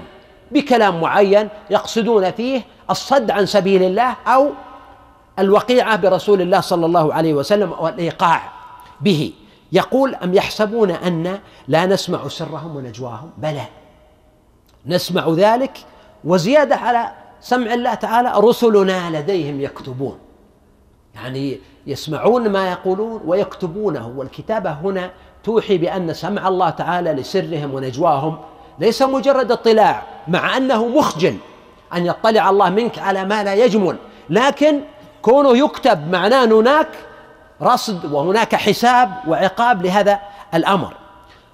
قل إن كان للرحمن ولد فأنا أول العابدين.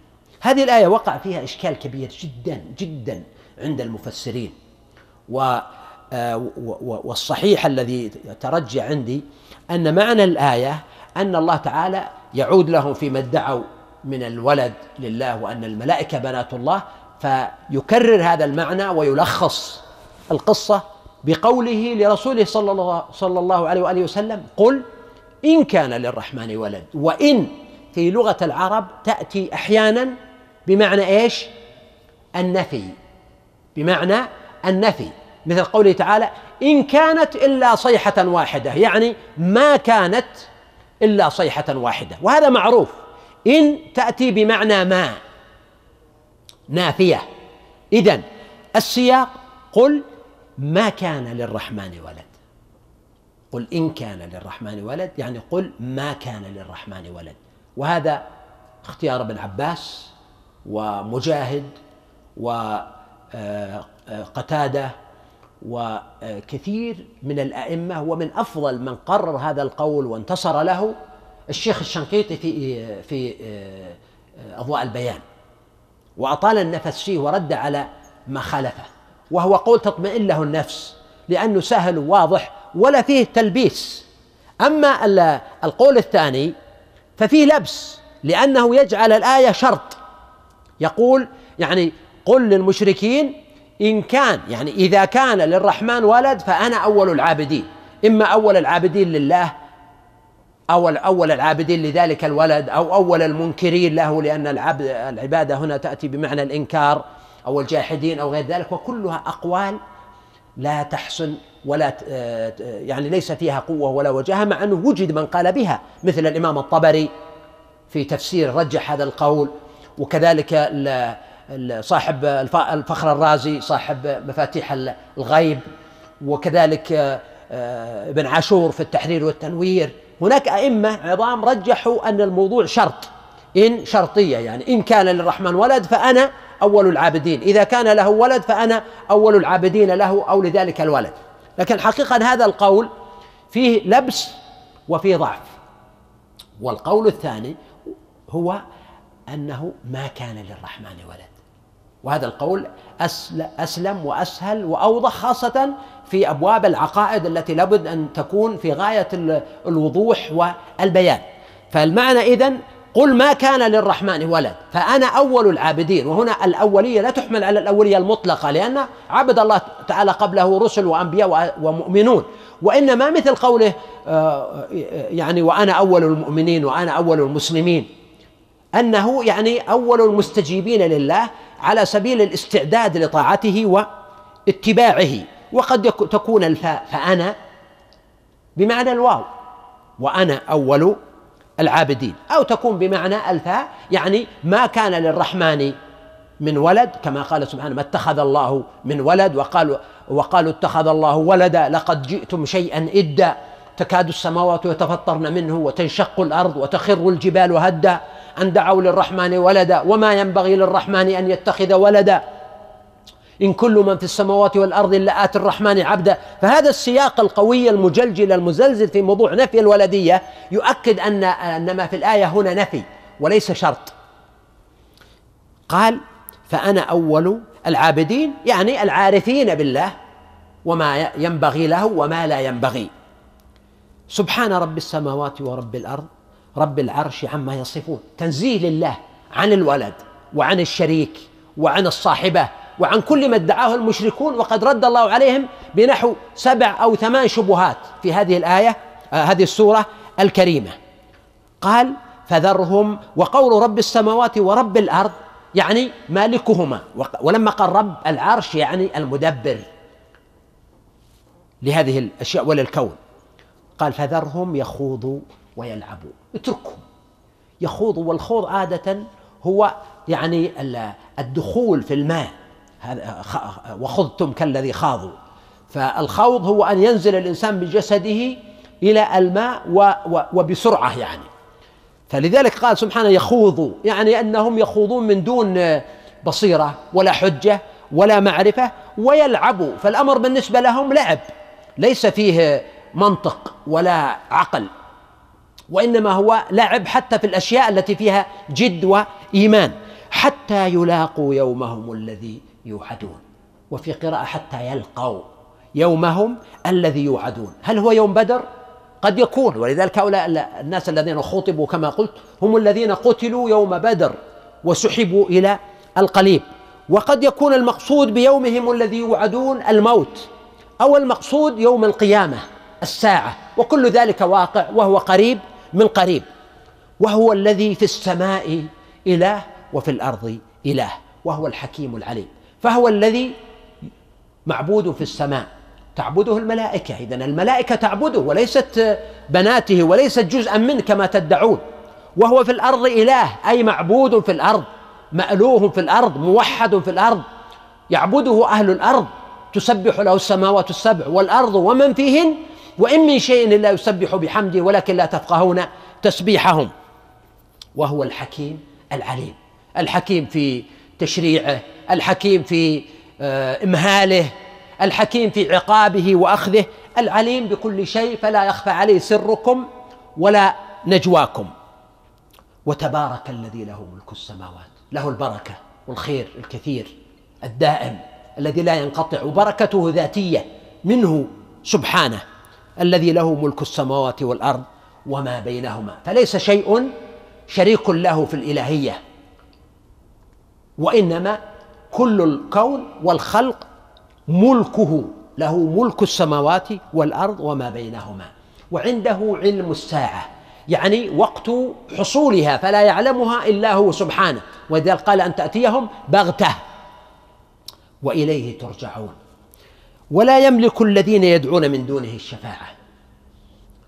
يعني الأوثان التي يعبدونها من دون الله لا تملك الشفاعة.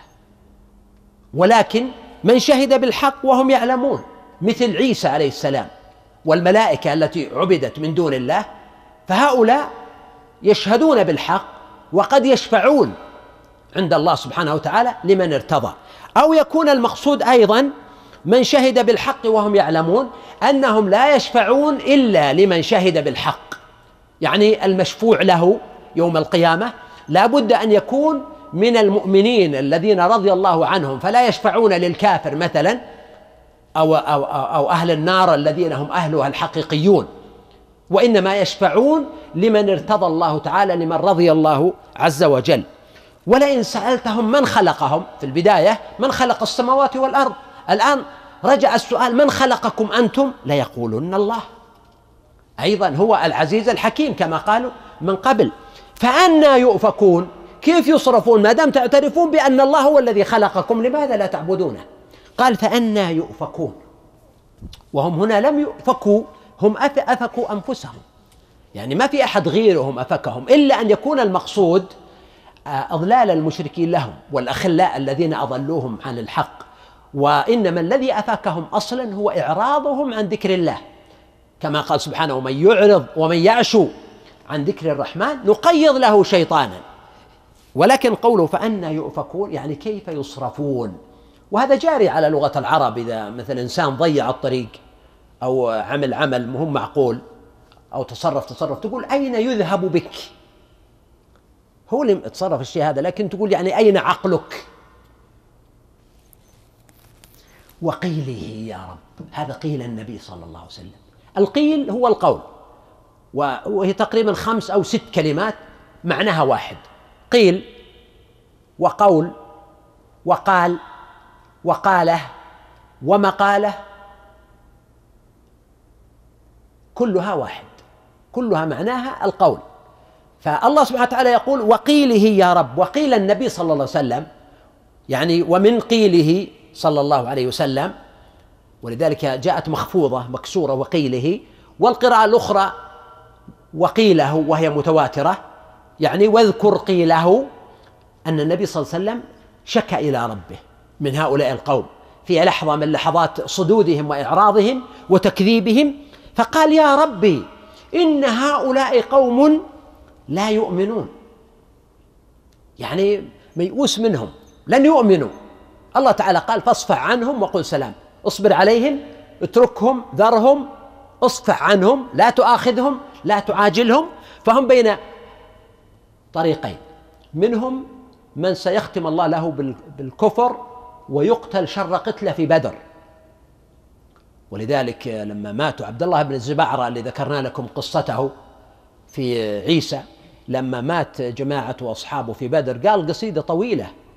وكم ذا بالقليب قليب بدر من الشيزات زينوا بالسلام وكم ذا بالقليب قليب بدر من القينات والشرب الكرام والشرب الكرام.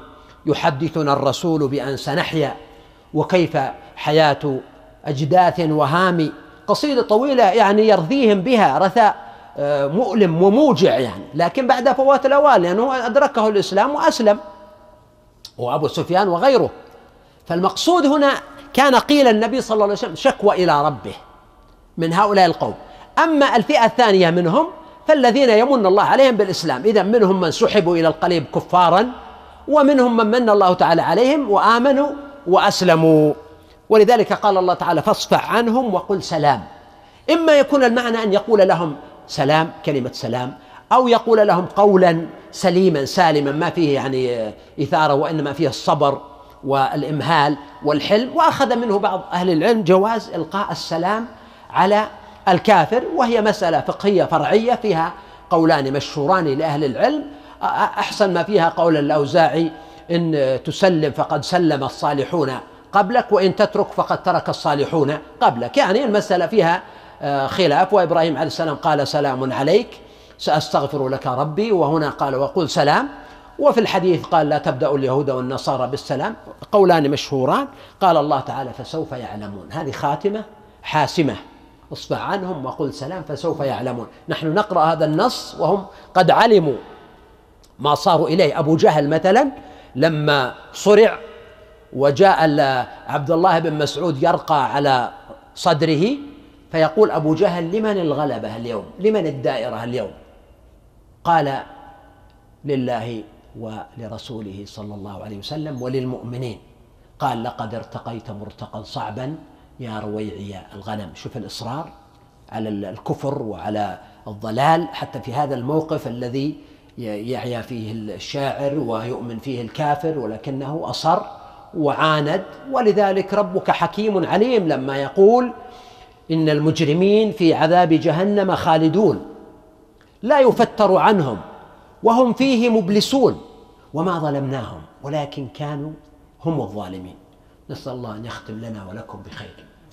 سبحانك اللهم وبحمدك نشهد أن لا إله إلا أنت نستغفرك ونتوب إليك. سبحان ربك رب العزة عما يصفون وسلام على المرسلين والحمد لله رب العالمين. صلى الله وسلم وبارك على نبينا محمد وعلى آله وأصحابه أجمعين. نقيم الصلاة أخوان جزاكم الله خير. كتاب أنزلناه إليك